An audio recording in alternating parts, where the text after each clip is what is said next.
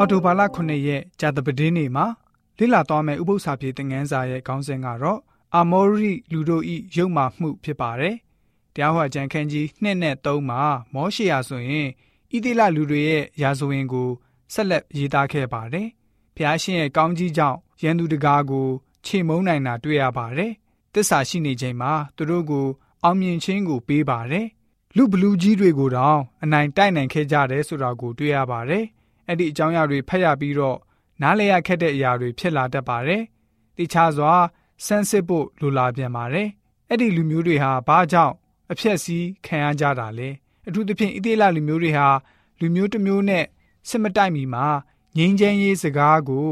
အရင်ဆုံးပြောလို့ရှိတတ်ကြပါတယ်။အကယ်၍အဲ့ဒီလူမျိုးကနေမိမိတို့ရဲ့ကံလန်းမှုကိုလက်မခံဘူးဆိုရင်ဣသေလလူတွေဟာ အဲ့ဒီသူတွေကိုခြိတက်တိုက်ခိုက်လေရှိပါတယ်။ကလေးနဲ့မိမတွေအပါအဝင် အားလုံးကိုတုတ်တင်ပြစ်တတ်ပါတယ်။တရားဟောကြံခန်းကြီး2အငယ်33 34မှာဆိုရင်ငါတို့ဖျားသခင်ထာတော်ဖျားသည်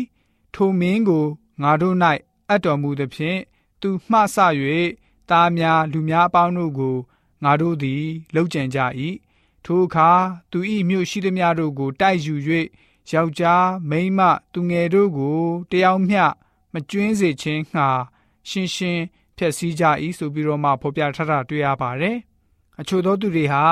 အဲ့ဒီကိစ္စမှာအယုံကြည်မရှိဘူးအမှန်တကယ်မဟုတ်ဘူးလို့ယူဆကြပါတယ်။ဘယ်လိုမျိုးပဲရှိပါစေကျွန်တော်တို့အနေနဲ့ကတော့ယုံကြည်ရပါမယ်။အကြောင်းကတော့တိမောသေဩရစာဒုတိယဆောင်ခန်းကြီး3ငယ်16နဲ့19မှာ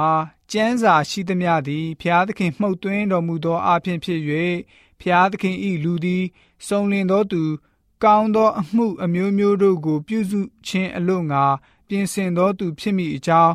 ဩဝါဒပေးခြင်းအပြစ်ကိုဖော်ပြခြင်းဖြောင့်မတ်စွာပြုပြင်ခြင်းတရားကိုတွင်တင်ခြင်းကျေးဇူးများကိုပြုတတ်၏ဆိုပြီးတော့မှဖော်ပြထားတာရှိပါတယ်။မျောလင့်ခြင်းအသင်းတော်ကနေအဲ့ဒီအကြောင်းကိုဝေဖန်သုံးသပ်ခြင်းမရှိပါဘူး။အဲ့ဒီပု္ပ္ပာအမေအတွက်ဒွိဟပြဿနာကိုတစုံတရာမှတ်ချက်မပြုပါဘူး။ကပောက်ကျန်ခန်းကြီး15ငွေ16မှာ အာဗြဟံကိုဖျားရှင်ဘယ်လိုမျိုးမိတ်ဆွေခဲ့တယ်လဲဆိုတာကိုကြည့်ကြပါစို့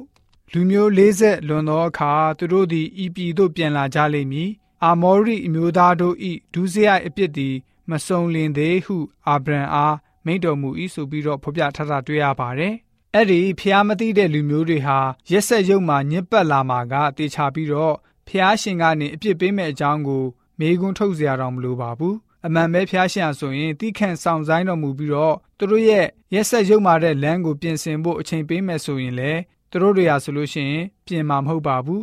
ရှိသမျှလူကလေးငယ်အပါအဝင်ဖြည့်ဆည်းပစ်ဖို့ထက်အခြားနည်းလမ်းရွေးစရာမရှိတော့ပါဘူးအဲ့ဒီကိစ္စကိုကျွန်တော်တို့သိချစွာသုံးသပ်ပြီးတော့အဖြစ်မှန်အရင်ခံအကြောင်းနဲ့ဖျားရှင်ရဲ့ကောင်းမြတ်တော်မူခြင်းကိုနားလည်လက်ခံဖို့သာရှိပါတယ်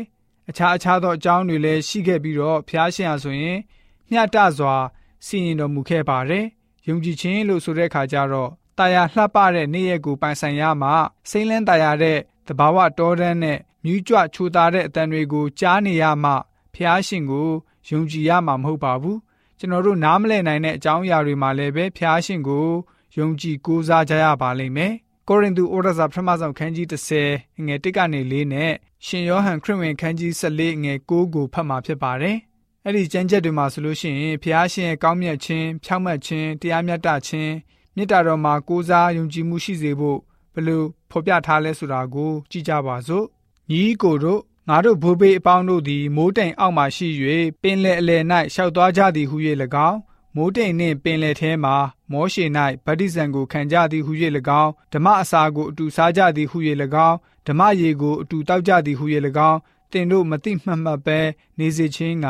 ငါအလိုမရှိထိုသူတို့နောက်၌လိုက်သောဓမ္မကြောင့်မှထွက်သောရေကိုတောက်ကြ၏ထိုကြောက်ကခရစ်တော်ဖြစ်သည်